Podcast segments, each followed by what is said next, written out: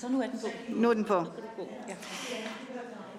Sagen om børnene, som øh, blev sendt fra Grønland til Danmark, er jo noget, som også har været rigtig meget i medierne. Øh, og blandt andet har vi også set for nylig, at øh, de har ønsket en erstatning, men at øh, de har valgt at, det har man valgt fra statsministeriet at sige nej til. Og så øh, er de blevet, staten er så blevet stævnet efterfølgende af, af, af de børn, som var en del af, af det her sociale eksperiment. Til mødet der er der tre forskere med. Det er Snif Andersen Næksø, som er med her i øh, mødelokalet. Så har vi Daniel Thorleifsen med på Teams, og så har vi Ejner Lund Jensen med, og alle tre har været med til at lave den her udredning af det historiske forløb. Vi har afsat en time til, øh, til mødet her i dag, og øh, forskerne indleder med cirka 20 minutter, og det jeg tænker, I fordeler selv tiden imellem jer. Øh, og så er der mulighed for, at, øh, at vi kan stille nogle spørgsmål, og der kan være en dialog. Øh, så jeg vil bare byde jer rigtig, rigtig hjertelig velkommen på vegne af Folketinget, og heldigvis også med medlemmer fra Inatisarduts familie- og sundhedsudvalg. Og så vil jeg sige, at mødet sendes også på Folketingets tv og på vores app. Men i hvert fald rigtig hjertelig velkommen. Og det var godt, det lykkedes, selvom at det tog lidt tid. Med et års forsinkelse også. Ja, værsgo. Og I trykker bare på mikrofonen. Ja, her, så du skal se. Og tak fordi I selv. Var den ikke trykket ordentligt? Så var den. Godt. Vi vil bare sige tusind tak, fordi I ville se os. Vi var jo inviteret for et år siden, og så kom der noget covid i vejen, så det er godt, at det kunne blive til noget alligevel. Vi har fordelt det sådan, at øh, Ejner starter med cirka de første 10 minutter, og jeg tager cirka de 10 næste. Og så forsøger vi på den korte tid at tage jer igennem hoved, de hovedfund, vi har præsenteret i udredningen og konklusionen, sådan i en komprimeret form. Man kan sige, at nogle af jer har muligvis læst rapporten eller dele af den. Øh, ellers så kan jeg sige, at, øh, at, at, at det, vi taler om, også kan læses i kort form på de sidste 6-7 sider af udredningen, hvor vi faktisk har komprimeret hele fortællingen, så man kan også tilgå den i kort form der. Godt. Ja. Ja, tak. Øh, Jeg skal så, øh, jeg vil øh, i mit oplæg komme ind på den historiske kontekst, altså ligesom for at, øh, øh at for man kan forstå, hvorfor man egentlig kunne øh, finde på at lave sådan et projekt i den tid der. Og så vil jeg også komme lidt ind på, øh, hvilke kriterier, som, som man anvendte i sin tid, da man, da man, da man udvalgte de her 22 børn, som blev sendt til Danmark. Øh, Og nedsættelse af de her øh, 22 børn, de skete i en øh, tid, som var øh, præget af meget store forandringer i Grønland og i den danske Grønlandspolitik, nemlig i tiden lige efter 2. verdenskrig. Udgangspunktet var, at Grønland på det her tidspunkt var en koloni. Det var styret af Danmark og styret af danske myndigheder. Staten havde monopol i Grønland, og landet var lukket for, for private. I Grønland var de sociale og andre forhold øh, meget dårlige. Der var en meget lav uddannelsesgrad, ekstremt dårlige sundhedsforhold øh, og med meget stor øh, dødelighed. Men man havde fra Grønlands side, øh, fra grønlandsk øh, politisk side og også i den offentlige debat øh, i Grønland i flere årtier presset på for at skaffe, for at skaffe øh, fremskridt og udvikling øh, i landet. Man ønskede rent konkret større øh, indflydelse, og man ønskede en ligestilling med Danmark og det øh, danske samfund. Efter 2. verdenskrig, der øh, blev de her krav fremsat med fornyet styrke øh, fra Grønlands side. Og samtidig så skete det, at man i den danske offentlighed fik meget større kendskab til, hvordan forholdene egentlig var i Grønland, blandt andet fordi der havde været en pressedelegation i Grønland, og som havde skrevet hjem om, og, øh, var skrevet om de her horrible forhold, som i virkeligheden var i Grønland. Og det skabte i, i den danske offentlighed en meget stor øh, skal man sige, interesse for, og også en, øh, et, et, et ønske om, at der skulle, man kunne gøre, skulle gøre noget, øh, gøres noget ved forholdene i øh, Grønland. Man skal huske på, at det her det er på det tidspunkt, hvor man sådan var begyndt at diskutere øh, øh vel, det, det, det danske velfærdssamfund, og man kunne simpelthen ikke have, at man har i så at sige, i, den, i, i Danmarks øh, øh, baggård havde en koloni med sådan nogle øh, forskrækkelige øh, forhold. Så der var meget i den danske offentlighed meget opmærksomhed omkring Grønland. Og så for det tredje, så var der også internationalt et pres fra FN, øh, som gik ud på, at man ville afkolonisere. Øh, det, var, det var helt internationalt, at man skulle øh, afkolonisere øh, altså de kolonier, som var rundt omkring øh, i verden. Den danske regering havde hidtil øh, øh, været meget tilbageholdende øh, øh, med øh, ført meget tilbageholdende øh, politik, blandt andet ud fra et princip om, at tingene ikke må gå for stærkt, og at det ikke måtte ikke koste for mange penge. Men øh, på grund af det her pres, som kom fra øh, forskellige sider, øh, så, ændrede man, øh, så, så, så salgede man om, og øh, nedsatte i 1948 det, der hedder Grønlandskommissionen, som arbejdede indtil 1950. Øh, og der kom den så frem med en øh, række forslag øh, til reformer med henblik på en modernisering af øh, Grønland. Og i den sammenhæng, som vi, øh, som vi har, den undersøgelse, som vi har lavet, der er der specielt to spørgsmål, som er, som er væsentlige, nemlig spørgsmål omkring undervisning, uddannelse og spørgsmål omkring de sociale forhold. Øh, et af de helt centrale øh, emner i øh, området i kommissionsbetænkningen var reformer af skole- øh, og uddannelsessektoren.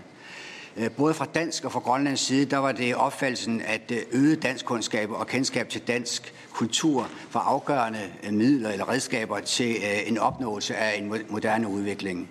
Og i, i uh, kommissionens betænkning, der foreslår man, at elever allerede fra 3. klasse skulle kunne deles i en såkaldt A- og B-skole, hvor B-skolen, uh, der, der skulle øh, eleverne undervises mere og mere på dansk, sådan, sådan så man øh, hen ad vejen kom op på et øh, dansk niveau, og også et øh, indholdsmæssigt niveau, øh, som gjorde, at eleverne skulle, øh, skulle kunne tage en realeksamen på lige fod med, med danske elever.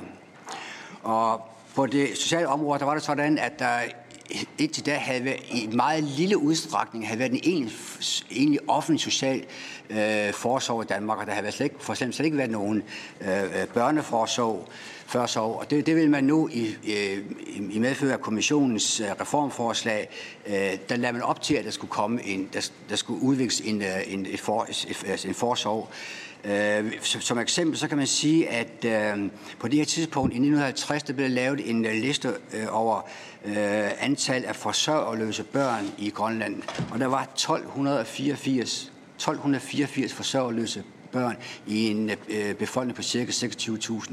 Det var virkelig mange, og der var ikke nogen børneforsorg. Så det var virkelig noget, øh, som, man, som, man, som man havde fokus på, og som også havde, man også havde fokus på i det grønlandske landsråd. Og det var ligesom, det, det var ligesom den basis, som, som øh, var, uh, da tingene her i, i den her sammenhæng uh, tog fart.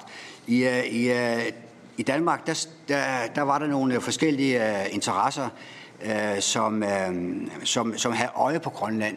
Øh, det var dansk, det var Red Barnet, og det var, øh, det var, det var Røde Kors, øh, som i øh, nogle sammenhæng var inde og lave nogle aktiviteter i, i, i Grønland, men ikke sådan i særlig stor øh, udstrækning. Øhm, og samtidig så var der en anden øh, øh, aktør, øh, den, den øh, Grønlanderforening i Danmark, Bedrasing Galaslit, øh, som også havde fokus på forholdene i Grønland og hvad man kunne gøre Øh, for, at, øh, for at hjælpe til. Øh, Red Barn havde i, i, siden af 2. verdenskrig øh, haft en række hvad skal man sige, aktiviteter, som havde sådan rekreativ øh, øh, mål med børn fra andre europæiske lande, øh, Ungarn, øh, Belgien og, og, og så videre. Og nu, nu så man hen imod Grønland, og, og, og og i, en dialog med blandt andet øh, Brasilien Gadasli, så blev man enige om, at man, Røde, øh, Red Barn også kunne gøre noget for grønlandske børn. Så, det, så øh, det, det korte og lange det er, at øh, Red Barn øh, tog en henvendelse til, hen, henvendelse til øh, Grønlandsdepartementet og foreslog, at man øh, nedsendte øh, 20 grønlandske børn i alderen 6-8 år øh, i, til et års ophold i, Dan, i, i, i Danmark. Efter en vis tøven, så gik Grønlands departement øh, med på den idé, og man satte sig ned med øh, Red Barnet og, øh, øh, og udarbejdede en, en egentlig skitse øh, til øh, øh, det, der skulle øh, ske. Og øh, øh, i den... Øh, i det referat, som vi har øh, fra det møde, der kan man se, at man allerede der under det møde øh, bruger øh, udtrykket eksperiment. Det var et eksperiment, der, der var tale om, øh, og det, det var meningen, at denne gruppe børn øh, skulle øh, danne en uddannelsesmæssig elite, som skulle vise vejen frem øh, for børn og unge i Grønland. Øh, Grønlandsdepartementets øh, fremlag øh, planen for landsrådene, der som havde møde i sommeren øh, 1950, og i stort flertal af landsrådet støttede det her forslag. Der var kun en enkelt sådan generel betænkning. Det var, at man man var bange for, at når børnene, når de vendte tilbage til, øh, til øh, Grønland, så ville de plac- blive placeret under så dårlige øh, forhold, under, under sociale forhold, som var meget ringere end dem, som de ville komme til at øh, øh opleve i Grønland. Og det vil man fra landsrådets øh, side gerne på en eller anden måde gøre noget ved. Og resultatet blev, blev at det Grønlandsdepartement i det videre forløb simpelthen bare besluttede, at jamen, så skulle de her børn, når de kom tilbage til Grønland, placeres på børnehjem i Øh, i, i, i Grønland, et, børne, øh, et børnehjem, som på samme landsrådsmøde var blevet besluttet, kunne opføres af Røde Kors øh, i Nuuk. Så det er ligesom præmissen, præmissen om at komme tilbage til familierne, den blev sløjfet, og i derfor så kunne børnene til på, på, øh, på børnehjem.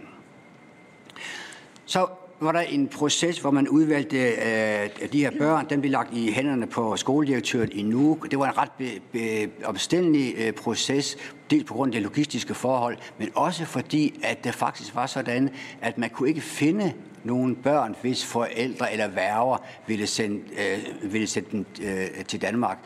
Så først efter, at man havde om på kriterierne, blandt andet, at man ligesom havde øh, åbnet op for, at børnene godt kunne være fra 5 og 9 år, øh, så kom man øh, frem til en, en liste på, på 22 børn, som så blev, blev sendt til Danmark. De blev sendt til Danmark så i sommeren 1951 og opholdt sig først på et øh, børnehjem, et, et feriekoloni syd, øh, nord for Præstø, og derefter så kom de ud i øh, familiepleje i, i danske, i, hos danske øh, øh, plejefamilier. Og så var det meningen, at de skulle hjem efter et år. Men i, i, i mellemtiden så var der sket det, at øh, børnehjemsbyggeriet i Nuuk var blevet forsinket, så ophold i Danmark blev forlænget med, med næsten øh, et halvt år. Og inden de så skulle til hjem, så var der igen sket en, en, igen en øh, ret øh, jeg vil sige, problematisk spektakulær ting, nemlig det, at der var seks af børnene, som blev adopteret af deres danske øh, plejefamilie. Og det var jo stik med den oprindelige idé med, at børnene skulle vende hjem for at, for at danne fortrop for de nye generationer i øh, Grønland. Og det betyder så, at øh, da vi kom hen på efteråret 1952, så vendte 16 af de 22 børn tilbage til Grønland, og der blev de så alle sammen placeret på det nyopførte Røde Kors børnehjem i Nuuk. Ja. Så jeg tager over Igen. Jeg tager over der, hvor børnene øh, vender tilbage til Grønland. Øh, de landede, ankom til børnehjemmet i oktober 52 sammen med deres nye forstanderinde, som var sygeplejerske, Dorothea Bengsen, som I muligvis har hørt om. Øhm, det er vigtigt at sige, at de kom jo altså ikke tilbage nødvendigvis til der, hvor de kom fra, men blev samlet endnu. Der var mange børn, som kom andre steder fra. Vi ved virkelig meget om hverdagen på børnehjemmet i Nuuk fra en masse arkivmateriale, som Dansk Røde Kors har indgivet til Rigsarkivet. Det beskriver det selvfølgelig med de voksne som er hjemmets blik, men det er meget tæt beskrevet. Der er blevet ført logbog. Der er hundredvis af sider, hånd, små håndskrevne sider, øh, hvor forstanderinden har skrevet om småt og stort i hverdagen. Øh, og så blev der sendt øh, øh rapporter og kostplaner og, og budgetter og, og, og øh, sundhedsrapporter og skolekarakterer og, og sådan noget hjem til Røde Kors i København øh, månedligt. Om det konkrete hverdagsliv kan man sige, børnene led ikke materiel eller fysisk nød. De havde en meget jævn levestandard. Det svarede meget godt overens med, med øh, vilkår på danske børnehjem i samme periode. De fik en jævn, dansk præget kost. De manglede ikke mad. Deres ernærings- og sundhedstilstand blev meget nøje fuldt. De fik lægebehandling, når det var nødvendigt. Der blev sørget for børnetandpleje og gennemlysninger for tuberkulose, som var udbredt osv. osv. Øh, kilderne vidner også om, at der blev draget en vis omsorg for børnene, så vidt det nu lader sig gøre på et børnehjem, kan man sige på den tid. Øhm, øh, det har også afspejlet sig i, at en del af børnene faktisk bevarede et livslangt forhold til, især til øh, Bengtsen, deres, den længst siddende forstanderinde. Så indledningsvis kan man sige, om det her det er altså ikke en historie om en gruppe misrygtede eller mishandlede børnehjemsbørn, sådan som vi kender den fra andre sager og fra andre udredninger. Det er ikke det, øh, der kan være problemet i det her. Men hvad er så problemet, kan man sige? Øh, hvorfor er det her overhovedet blevet til en udredning og til en sag? Øhm, og problemet var i virkeligheden nok mere fundamentalt af det, vi øh, forsøger at vise i rapporten, nemlig noget, der handlede om, at forsøget og den her opvækst kom til at betyde for børnenes sprog, for deres øh, tilhørsforhold til deres familier og deres tilhørsforhold til deres land og deres folk, altså til Grønland og grønlandskhed. Og det er jo altså tre øh, ret grundlæggende byggesten i det, vi samlet set kan tale om som identitet, der var på spil her. Så lad os starte med sproget. Øhm, for det første var der simpelthen sket det, at da børnene kom tilbage til Grønland efter halvandet år i Danmark, så havde de glemt deres modersmål. Det betød helt umiddelbart, at de ikke kunne tale med eller forstå deres forældre og søskende, hvis de havde nogen. Øhm, det har vi hørt beretninger om, og det bliver også bekræftet af kilderne fra den gang. Øh, jeg vender tilbage til familien. Der skete så det i det lys, at øh, Bengtsen sammen i samråd med forstanderen for øh, seminaret og den danske skole i Nuuk, øh, Knud Binser, besluttede i stedet at placere børnene i den danske skole. Og det var jo et meget markant kursskifte øh, i forhold til øh, forsøgets oprindelige formål, altså at børnene skulle gå i den dobbeltsprogede skole, at de skulle blive frontløbere og brobyggere mellem dansk og grønlandsk i den nye grønlandske skole. Det var ikke det, der skete. I stedet fik de en ren dansksproget opvækst i en dansk skole med danske kammerater og også på et børnehjem, hvor der kun måtte tales dansk og stort set kun blev det. Også de kifakker, der blev ansat, øh, skulle kunne tale dansk og skulle tale dansk med børnene. Så de blev ikke, som man havde forestillet sig, tosproget, de blev dansksproget. Så lad mig vende tilbage til familien. Altså ved hjemkomsten delte børnene ikke længere deres families sprog. Og sådan forblev det øh, for de fleste af dem, øh, det meste af deres liv, eller resten af deres liv. Det handlede blandt andet også om, at forstanderinden i meget høj grad begrænsede øh, kontakten til familien, og også for dem, som faktisk havde nære familiemedlemmer boende i Nuuk. Hun lagde vægt på, at børnehjemmet det var nu børnenes hjem, øh, og alt for meget kontakt med familierne ville forhindre dem i at falde rigtigt til der. Øh, besøg var meget sparsomme, både den ene og den anden vej. Familien var kun meget, i meget undtagelsesvis, kan man sige, med til mærkedage og højtider og den slags. Øh, en del af børnene så ikke deres familie igen overhovedet, efter de havde forladt Grønland mod Danmark i 1951. Så kan man tale om de grønlandske og danske relationer. Øh, det betød jo altså, at børnene voksede op stort set uden forbindelser til andre grønlændere, øh, hverken i skolen eller i det omgivende samfund. De havde ikke nogen kontakt med den grønlandske samfund eller den grønlandske kultur. Øh, men derimod så blev de danske forbindelser og relationer og den danske dannelse og kulturpåvirkning, kan man sige, den blev virkelig øh, dyrket. Man fastholdt forbindelser til plejefamilien i Danmark, øh, til konfirmationerne, så inviterede forstanderinden typisk fremtrædende danske embedsmænd øh, fra Nuuk og deres familier, øh, og de inviterede så igen børnene og bængsen tilbage til selskaber, hvor, hvor børnene kunne øh, ligesom møde frem i deres stiveste pus og blive en del af den danske selskabelighed.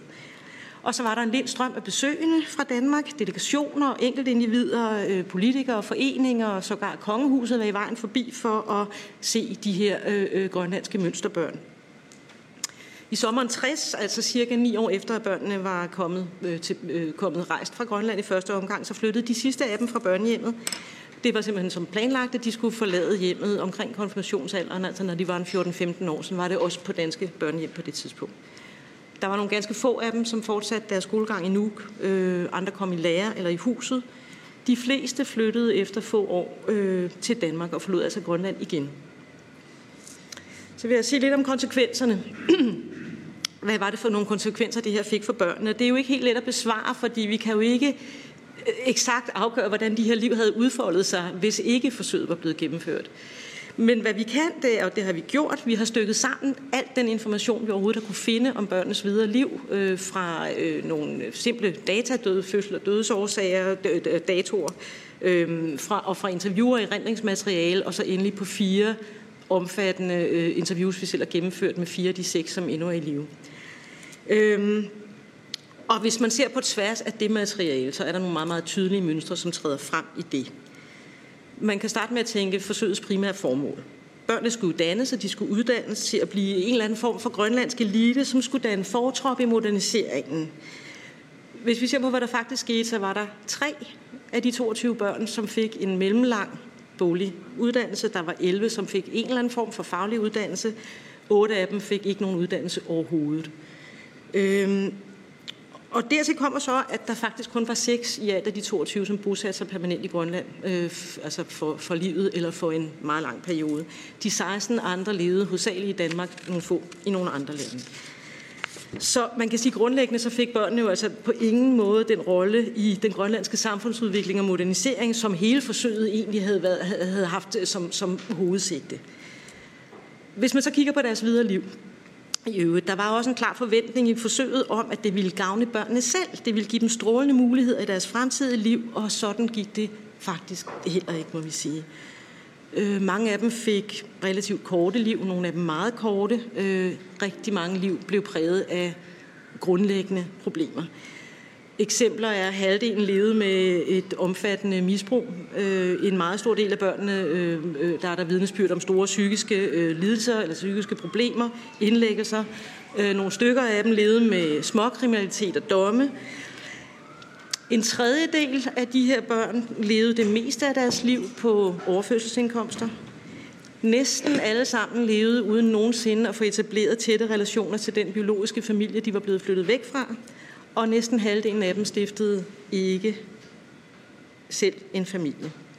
Tre af de seks, som blev adopteret, oplevede adoptivfamilien brød forbindelsen helt til dem. Den ene blev formelt bortadopteret af sine adoptivforældre. Der var heldigvis nogen, der gik meget bedre, øh, og nogle af dem er dem, som er i live endnu, og som stadigvæk kan være med til at fortælle deres historie. Øh, men samlet er det jo et billede af, af, af liv præget af meget store psykosociale problemer, en social afsondrethed fra familie og fra, øh, fra det grønlandske samfund, den grønlandske kultur, fra arbejdslivet. Øh, baggrunden for det, den kan vi i høj grad finde i børnenes egne fortællinger om deres opvækst og hvordan den formede dem, og det hænger meget fint sammen med, hvad vi ved om deres opvækst i øvrigt fra materialet. Og her går faktisk præcis de samme temaer igen, ikke mindst i deres erindringer og deres historie om, hvad har det her betydet. Det drejer sig om tabet af modersmål. Øh, børnene oplevede i barndommen at blive drillet og udskammet af både børn og voksne, fordi de ikke talte grønlandsk. Og hele deres videre liv har faktisk været præget af, at det her tabte modersmål var en grundlæggende barriere, både for at få en ordentlig kontakt etableret igen til deres familie og til deres landsmænd og det grønlandske samfund. Og har vi så familien i spil igen. Børnene blev flyttet fra deres familie øh, i en meget ung alder. Øh, den yngste var kun fire, den ældste var ni. I 51 nogle ganske få flyttede tilbage. Og det kom jo ikke kun til at præge deres barndom. Øh, når vi ser på deres fortællinger, så er der mange historier, som handler om sorg, bebrejdelser, skyld, skam, ubesvarede spørgsmål i familierelationerne, og det blokerede også for at få dem genetableret på en god måde senere. Næsten alle, både interviews fra afdøde, alt det materiale, vi har, og fra nulevende, har en eller anden fortælling om ikke længere at høre til, øh, på en eller anden måde at være ensom i livet i forhold til familie. Og endelig kan vi tale om de brudte bånd til deres land og deres folk. Børnene voksede op, afskåret fra det grønlandske samfund, og det fortsatte i voksenlivet. De oplevede at blive genkendt som grønlændere fysisk, men udskammet, nogle gange overfaldet, øh, angrebet for ikke at være rigtige grønlandere på grund af deres danske sprog, altså de ikke talte grønlandsk, og de i øvrigt havde måske en danskpræget fremtoning og en danskpræget måde at leve deres liv på. Øh, samtidig var de jo i danske øjne jo absolut heller ikke rigtige danskere. De forblev bare grønlændere med alt, hvad det kunne medføre af, af, af fordomme i mødet med danskerne, hvis de led, øh, for de mange af dem, som levede deres liv der. Som konsekvens har næsten alle en fortælling om, hvordan de har måttet kæmpe med at øh, finde deres identitet selv, og også med at opnå andres accept af deres identitet. Der er ord som ambivalens og rodløshed og splittethed, som er virkelig gennemgående figurer, når børnene selv giver vidnesbyrd om deres opvækst, øh, og den betydning, det har haft for deres forhold til familien, deres forhold til andre grønlændere, og i høj grad også i deres forhold til sig selv. Et to minutter mere bruger jeg lige på at, at, at summere op her. Det er en meget kort opsummering af vores hovedkonklusioner. Man kan sige, at det var et forsøg, som først blankt blev afvist, som Ejner fint har redegjort for. Det blev til noget, fordi på netop et bestemt tidspunkt i historien øh, omkring Grønlands afkolonisering og den forestående modernisering, øh, der kunne det her forsøg faktisk forbinde en række forskellige aktører og interesser og hensyn. Der var enkelte individer, der var NGO'er, der var politisk øh, og, og embedsværk, øh, som pludselig kunne se det her som en god idé, som kunne løse mange forskellige ting i virkeligheden. Der var meget store forventninger til de positive resultater, både for Grønland, øh, også for børnene selv. forventningerne blev ikke indfriet. Øh, faktisk hverken på det ene eller det andet punkt, kan man sige. Og det fik forsøget meget negative konsekvenser for de børn, der blev inddraget i det. Øhm, en medvirkende grund er nok det, som vi i vores konklusion har kaldt et forsøg uden protokol og konklusion. Øhm, det handler om, at der simpelthen ikke var nogen færdig plan. Der var egentlig ikke rigtig lagt en plan for det her forsøg. Man asfalterede, så at sige, mens man kørte. Der blev skiftet kurs på virkelig afgørende punkter en lang række gange undervejs, når man stødte på udfordringer eller barriere eller nye hensyn eller formål. Øhm, det var både på, hvad var overhovedet formålet med det her, hvem var det, der skulle inddrages i det, og hvad skulle der ske med dem øh, undervejs i deres opvækst. Der skete også det, at så snart børnene faktisk var blevet udvalgt og sendt afsted, og den første pressedækning var overstået, så gled de også fuldstændig ud af fokus, både på, for embedsværk og politikere, og for så vidt også NGO'erne i høj grad. Øh, alle var travlt optaget af de omfattende moderniseringsbestræbelser, som nu blev sat i værk i Grønland i 50'erne og frem. De blev faktisk glemt. Øh, det gjorde de mere eller mindre, indtil de dukkede op igen i Tine Brøms bog i 98. Og så gik der godt 20 år længere, før at øh, det blev rejst som en, en, en sag, som faktisk fik sat den her udredning i gang. Det var det, jeg havde. Tusind tak. Meget fascinerende og, og spændende. Tusind tak. Jeg ved ikke, om Daniel også gerne vil have lov til at sige noget, inden vi, vi tager spørgsmålene. Vi har øh, at det er praktisk, så sniffer øh, indledt, og jeg øh, ikke siger noget i første omgang, men I er selvfølgelig velkommen til at øh, spørge, øh, og jeg vil være klar. Yes, Rønner, mange tak. Vi har tre spørger, og jeg tænker, vi tager tre spørger gangen, og så mulighed for, at man kan svare. Øhm, og jeg har skrevet mig selv på først. Øhm, først så vil jeg sige, at vi har, øh, der er jo seks tilbagelevende, og jeg ved, at de også øh, lytter med i dag, nogle af dem i hvert fald. Og øh, at det er også vigtigt for mig at få sagt som, som formand på Grønlandsudvalget, at det er jo selvfølgelig deres livshistorie, men det er jo også en samfundshistorie. Og, og det er jo det, der er ret interessant. Øhm, og jeg synes det her med sådan at se, trækker det trådet op til i dag, spørgsmålstegn, øh, kunne jeg godt tænke mig at høre, er der nogle sådan overvejelser, tanker omkring det? Og så måske spørge lidt mere ind til den politiske proces. Øhm, det, det var jo en, en dansk beslutning, men øh, inddragelsen af, af Grønland, og, og hvorvidt at Grønland, for at sige det direkte, bør give en undskyldning også, øh, synes jeg, står sådan lidt uklart. Så det er i hvert fald to spørgsmål fra, fra min side. Så har vi Christian på, og så Kasper derefter. Christian, værsgo. Tak, tak for jeres arbejde, og også for at redegøre for det. Øhm, jeg mødte Helene, som sandsynligvis kan sætte og lytte med nu. Øh, det var en stor oplevelse. Vi havde inviteret til i fagforeningen i Silkeborg, hvor hun en aften holdt foredrag, fordi at vi havde jo læst uh, Tine Bulls bog, og vi havde hørt om den film, der var undervejs på det tidspunkt.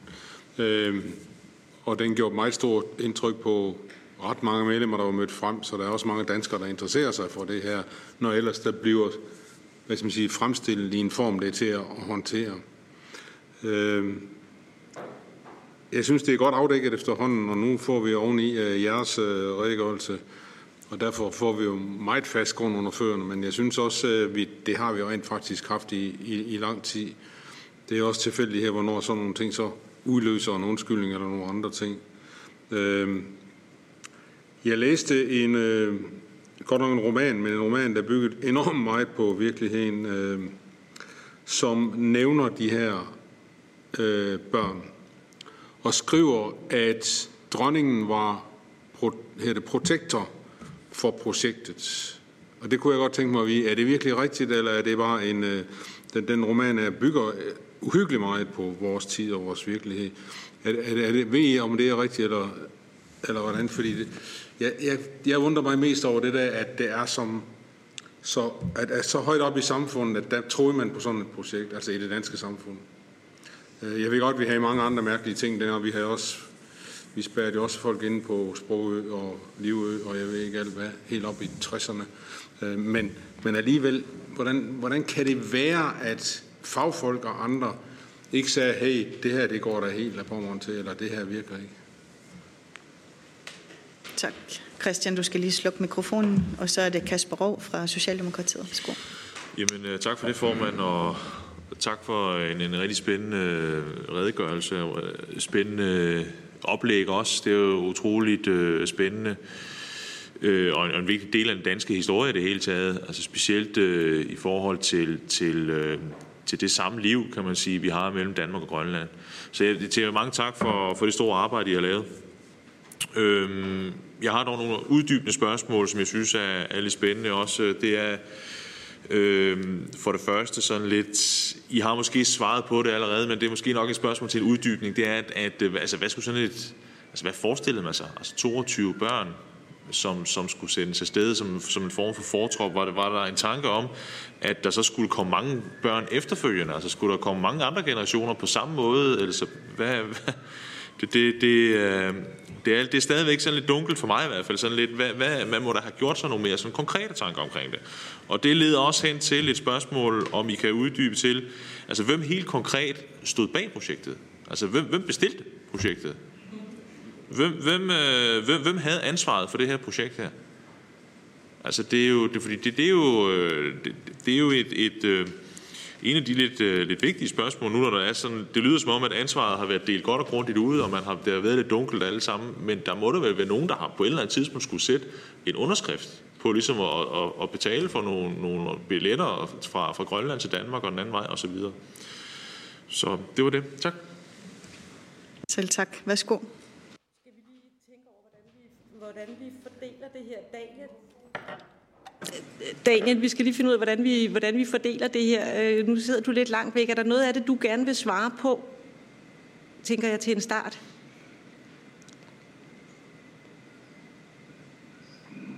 Øh, måske øh, øh, om, øh, hvordan hvorledes øh, øh,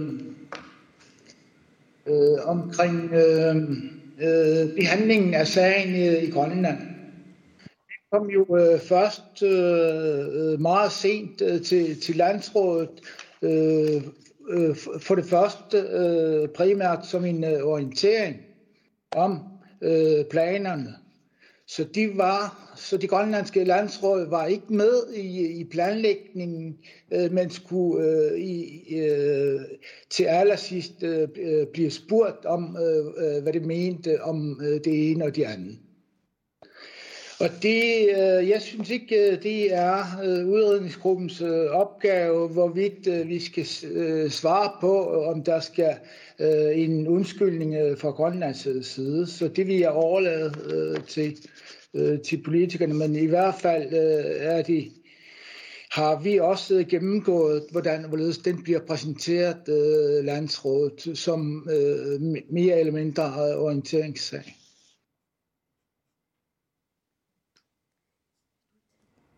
Det der med den politiske proces, og hvem stod bag at bestemme? Jo, jeg kan følge op på det, som øh, Dalia han siger, og det som svar også på det sidste øh, spørgsmål, vi fik. Altså, hvem bestilte øh, det her? Udgangspunktet var, at det var nogle private personer og organisationer, Red Barnet og Brasil Gadasli og nogle private, uh, som fik den her idé. Og så gik det til Grønlands administration, Grønlands departement med det. Og når så Grønlandsdepartementet de siger, okay, vi, vi kører det her. Så, så, så er det sådan, som vi har forstået, og sådan som det var dengang, så er det Grønlandsdepartementet, der, ligesom, det er deres det er deres projekt. I dag, i dag vil man kalde det for et projekt. Det brugte ikke det ord dengang. Men det var dem, der havde øh, ansvaret for, øh, øh for det. Det var dem, der tog øh, beslutningerne. Det var dem, der tog udvæl- satte, satte udvælgelsen af børn i gang øh, osv. Det var dem, også dem, øh, som øh, besluttede, at øh, børn skulle anbringes på øh, børnehjem, når de kom øh, til, øh, til Nuuk. Og, og Grønlands departements rolle i den sag kan vi se af et, øh, et dokument øh, fra øh, fra, fra Røde Kors, som jo, som jo byggede og drev øh, øh bør, øh, øh, børnehjemmet, øh, de, de sagde noget i retning af, at okay, når Grønlandsdepartementet har sagt, at øh, de der børn, der de skal anbringes, anbringes på øh, børnehjemmet, jamen så skal de anbringes der. Slut Grønlands departement bestemmer. Så der kan man sige, at øh, det var Grønlands departement, som, øh, som kørte det, øh, det her. Øh, og det, og det, det faldt også i tråd med, at øh, Grønland var en koloni. Det var Danmark, der bestemte. Øh, så så den, øh, øh, det, forhold mellem det, det, var, det var et klart underordnet forhold øh, mellem øh, Danmark og, øh, og øh, øh, Grønland. Øh, så, øh, og med hensyn til øh, det der med, om der er en underskrift eller sådan noget, det, det er der ikke. Øh, vi har selvfølgelig været i arkiverne, og der findes også en, øh, en, øh, en mappe, som hedder noget retning af redbarnens Red Barnens. Og det, det, det er den her sag her. Og der, har, der er der så nogle, nogle dokumenter i, men det er helt tydeligt, at, at jeg ved ikke, om det var fordi, man havde en anden form for, øh, for arkivering øh, dengang. I hvert fald så er materialet temmelig spredt, og man får nærmest øh, indtryk af, at der enten er noget materiale, som mangler, eller man har simpelthen taget nogle af beslutningerne ude på gangen, eller øh, uden overhovedet at dokumentere øh, den måde, at det, det man har besluttet. Altså det, det, der, der, der skal man vide noget mere om, øh, hvordan, øh, hvordan øh, krav til dokumentation var i den øvrige del af, af den danske statsadministration. Men, men øh, det, det er helt tydeligt, at mange, øh, mange beslutninger ikke er dokumenteret øh, i det her øh, materiale, og der er ikke en, der er ikke en underskrift på, på, øh, på et stykke papir. Måske skal jeg sige noget om det der med, hvad troede på. Ja. Så vil jeg gerne tage den der øh, tråd op om, øh, vi start, kan starte med dronning Ingrid og gå videre til, hvad i alverden havde man forestillet sig, for jeg tror, de ting hænger lidt sammen. Altså, vi har ikke stødt på nogen steder, at dronning Ingrid var formel øh, protektor specifikt for det her børnehjem. Jeg er ikke klar over, om hun måske var det for noget Dansk Røde Kors i det hele taget. Det var hun. For Red Barnet, undskyld. Det var det, hun var. Øh, hun var protektor for Red Barnet, øh, så vidt jeg så vidste Ejner, det vidste jeg ikke. Øh, men hun fulgte de her børn. Hun besøgte dem, da de var på Fedegården i Danmark, og hun besøgte dem faktisk også oppe i nu på børnehjemmet sammen med kronprinsessen på et tidspunkt. Øh, det er for mig måske ikke det vigtigste, men det, men det vigtige er egentlig spørgsmålet, men, men det var, du siger, hvordan i alverden skal vi forstå, at højt oppe i systemet, Altså, at det var højt oppe i systemet, at folk troede på det her, øhm, og, og du stillede så spørgsmålet, hvad i alverden havde man forestillet sig? Øh, og det er jo set fra nutidens perspektiv virkelig gode og relevante spørgsmål. Når, når, man, når man tænker som historiker, så tænker man, at vi er nødt til at forsøge at forstå det ud fra samtidens perspektiv. Og det handler blandt andet om, hvordan var det overhovedet, man tænkte om dels om børn, og dels om forholdet mellem Danmark og Grønland på det her tidspunkt. Så den ene ting, der spiller ind, det er samtidens forståelse af, at, at, at børn er ligesom nogle små planter, øh, som, som, øh, som kan mistrives, hvis de, planter, hvis de står et forkert sted og får dårlige vækstforhold. Man kan nærmest tage dem og omplante dem, og hvis man planter dem i en god og sund jord øh, med masser, masser af næring, så udvikler de sig og bliver til den rigtige slags mennesker. Og det vil sige, at den der forestilling, som vi nok alle abonnerer på i dag, om at børn har brug for deres, øh, deres relationer, deres nærhed, deres familie, deres slægt, den er slet ikke lige så udviklet på det her tidspunkt, og det samme ser man jo i det danske børnehjemssystem også.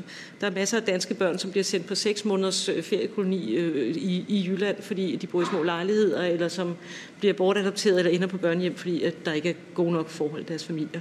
Så det er en del af, det er en del af baggrunden for, at der ikke er mange mennesker, som stiller sig op og råber, det her er jo fuldstændig vanvittigt. Det er fordi, det er i virkeligheden en praksis, man også har med andre børn øh, på det tidspunkt. Oven i det kommer der jo så det særlige, at der er tale om grønlandske børn. Og det vil sige, at i hele det, der ligger jo også nogle grundlæggende koloniale forestillinger om, at, at, at, at Grønland og det grønlandske samfund på en eller anden måde er mindre udviklet. Der er simpelthen, der, er et selvfølgelig, tænker man, ikke lige så gode vilkår for børnene at vokse op øh, i, i en fattig byg, måske kun med en enkelt overlevende forældre eller ingen, som de ville få, hvis de kunne leve, øh, vokse op i gode, trygge danske forhold, endda på et børnehjem, hvor der bliver taget hånd om dem, og de har alt det materielle goder. De har, så der er jo noget om en ulige kolonial relation, som også øh, øh forankrer sig eller siver ind i hele det her projekt, børnene skal hen til nogle danskere, hvor de kan blive dannet og kultiveret og lære sprog, så kan de blive uddannet, og så kan de blive en del af den elite, som skal bære Grønland videre frem.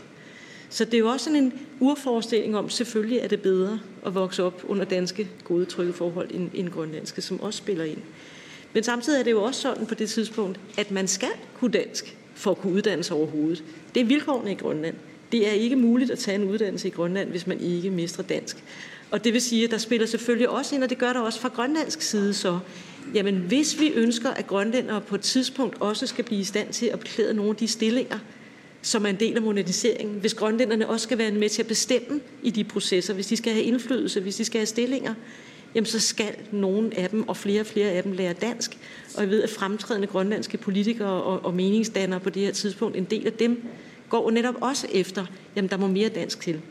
Så det er alle mulige forskellige tråde, som fletter sig ind, og som på en eller anden måde mødes i det her projekt og gør, at man af forskellige grunde kan synes, at det er en god idé. Og, og de færreste har, altså der, der er jo stort set ingen, som forestiller sig, at det, kan, at det kan gå galt, det her. Der er nogle ganske få røster, som siger, jamen, kan de, måske kan de komme til at savne, savne deres, hvad hvis du nu mister deres grønlandske, men det bliver meget hurtigt slået hen, for man forestiller sig, at implikationerne både for børnene og for det grønlandske samfund vil være bare gode. Ikke?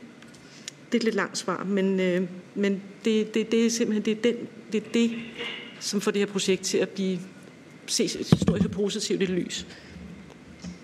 Vi har nogle flere spørger, der bliver mulighed for, at I også skal svare øh, senere. Vi har allerførst øh, Agi Mathilde på, og så har vi Agathe Fontein, og så har vi så Carsten Hynge derefter. Agi Mathilde, der kan Rørner. I se mig? Det fungerer, og lyden er fin. Godt. Den er fin. For det første vil jeg gerne takke for, at øh, I er kommet for at give os den her redegørelse af den rapport.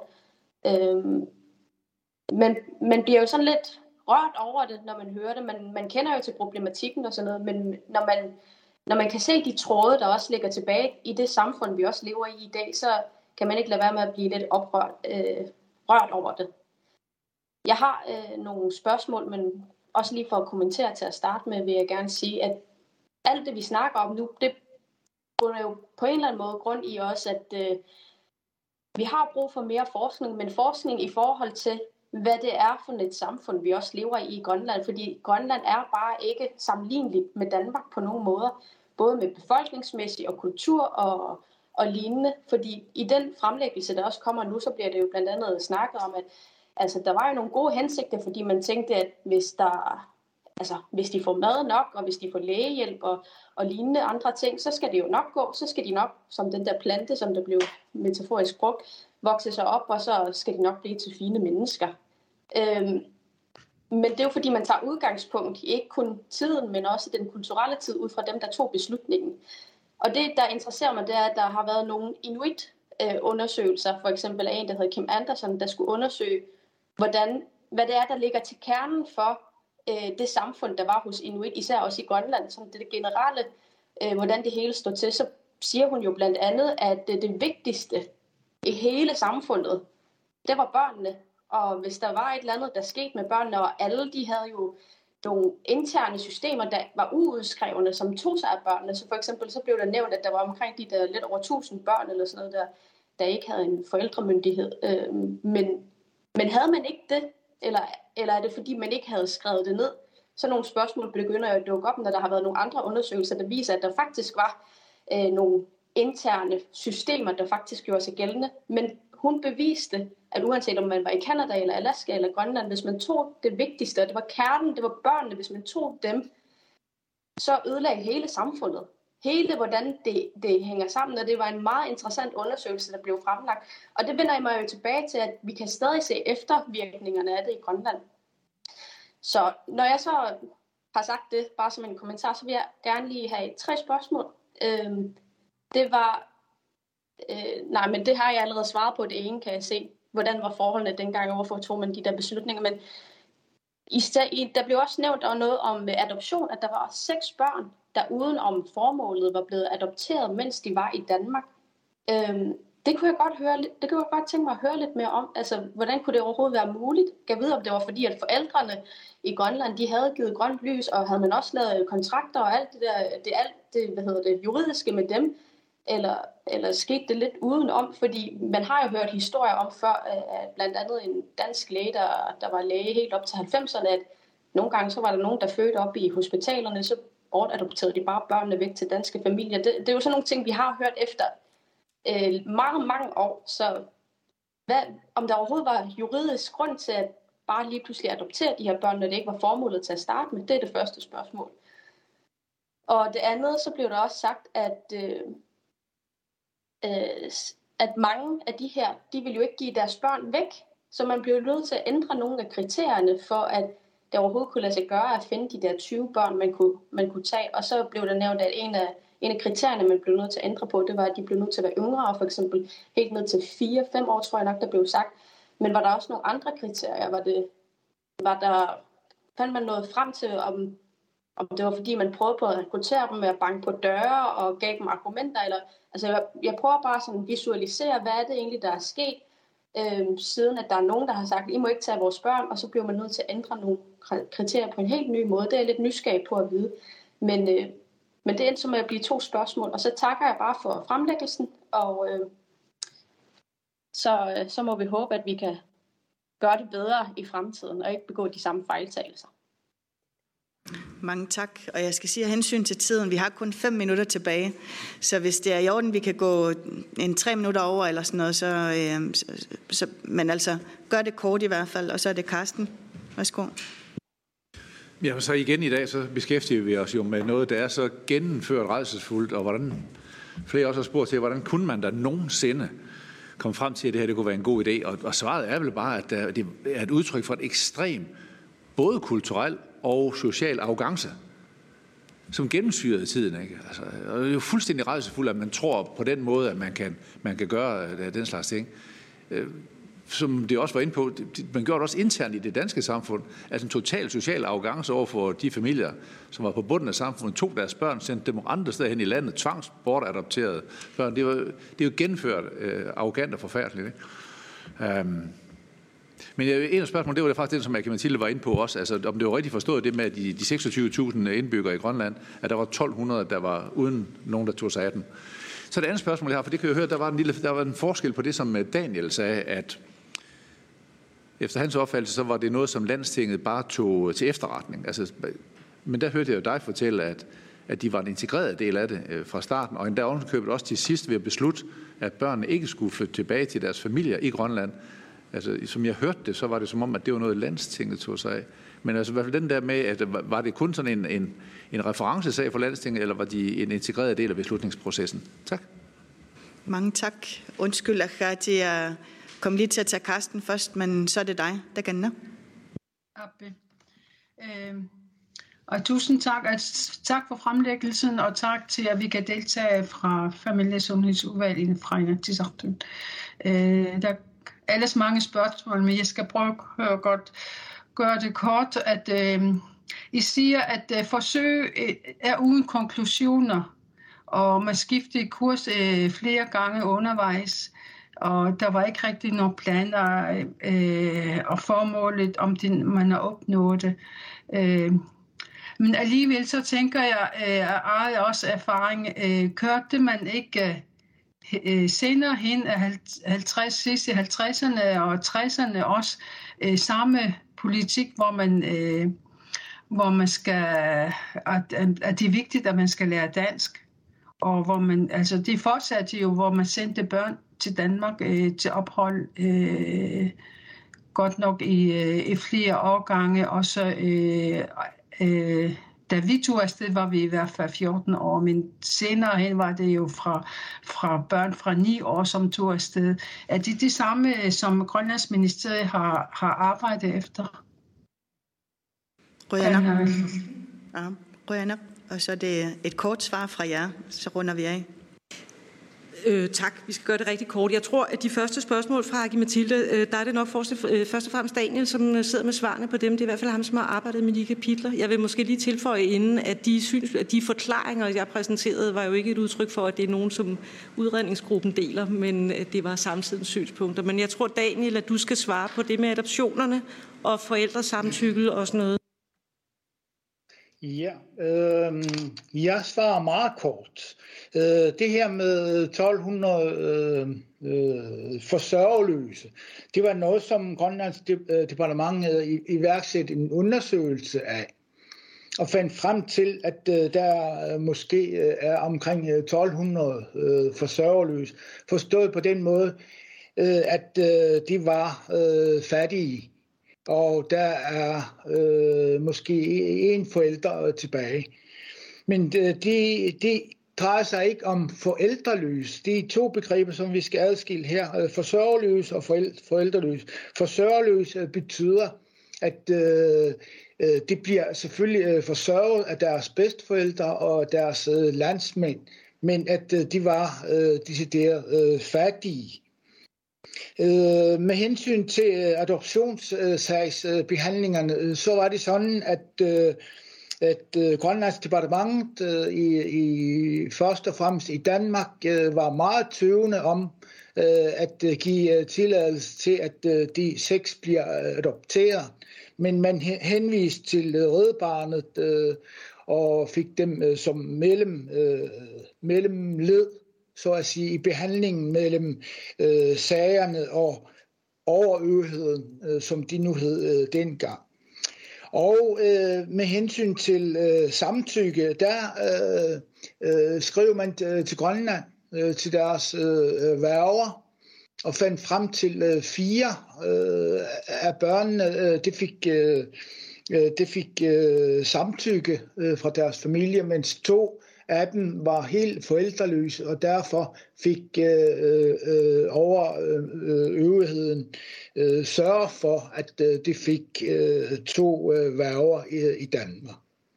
Så det hele øh, med adoptionssagerne, øh, det foregik øh, i dansk lovgivningsregi og ikke blev behandlet i Grønland.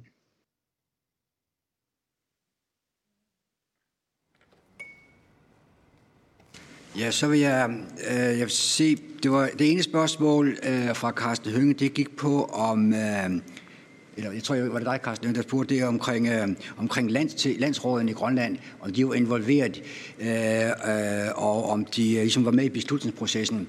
Øh, altså, på det her tidspunkt, øh, der, der, der var der ikke nogen bestemte regler om, hvad man skulle forelægge landsrådene.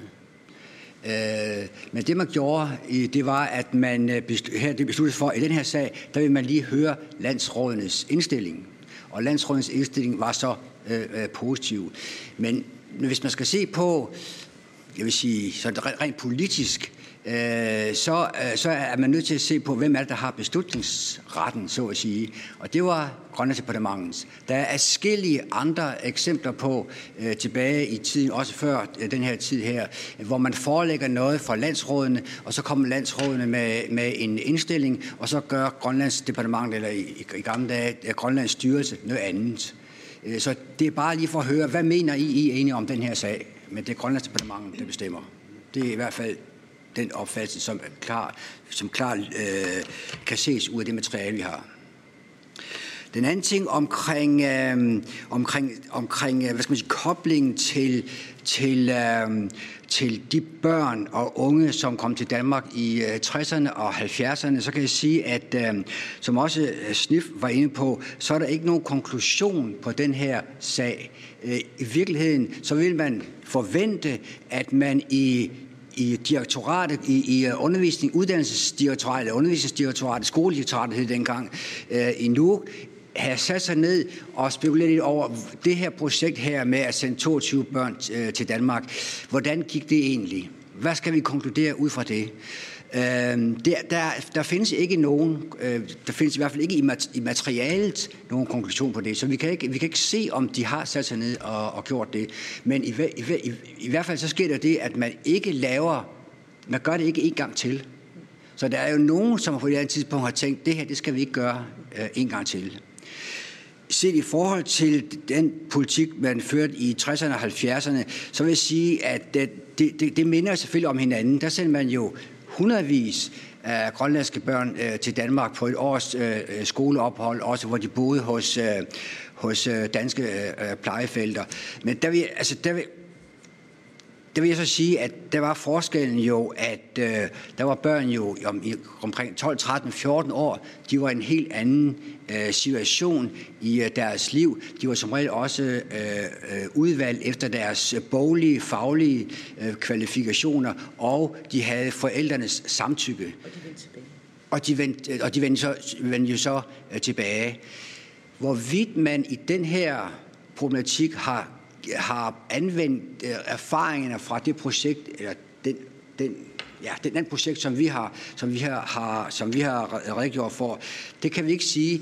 Der er skrevet en bog om øh, en, øh, en Ph.D.-afhandling, øh, som hedder Noget retning af langt hjemmefra, øh, som handler om øh, de her mange hundrede grønlandske børn, som blev sendt til Danmark i 60'erne og i øh, 70'erne. Og forfatteren nævner også den her sag med de 22 børn, men det er bare sådan nævnt en passant, og det fremgår overhovedet ikke af hans øh, materiale, at man på nogen måde har brugt erfaringerne fra 1951-52 i, de, øh, i, øh, i den, den politik, uddannelsespolitik, man har ført i 60'erne og 70'erne. Mange tak. Øh, tiden tillader desværre ikke, at vi, øh, at vi bruger mere tid. Øhm, men jeg vil bare sige, at selvom der ikke var en konklusion, så kan man vel konkludere i hvert fald med nutidens briller, at, øh, at det ikke var i orden. Det tænker jeg i hvert fald, den her undskyldning, som statsministeriet har givet, er et udtryk for. Og så afventer vi selvfølgelig den her erstatning. Det interessante, synes jeg, er også det her med, at vi ved jo i hvert fald i dag, hvor meget identitet, sprog og kultur betyder for, for folk, og særligt i den proces, som øh, altså en afkoloniseringsproces. Øhm, så, så der er vi heldigvis blevet klogere i hvert fald, tænker jeg. Men jeg vil bare sige tusind tak til alle de tre forskere, også til vores kollegaer hjemme i, uh, i Grønland, fra Familie- og Sundhedsudvalget i Inatsisartut for at deltage, og selvfølgelig vores kollegaer. Tak fordi I kom, og jeg tænker også, der er mulighed for, at vi kan tage fat i jer, hvis vi har nogle konkrete spørgsmål. Øhm, så tusind tak fordi I kom, og selvom der var lidt forsinkelse på i starten. Tak fordi vi blev inviteret. Tak, og god dag.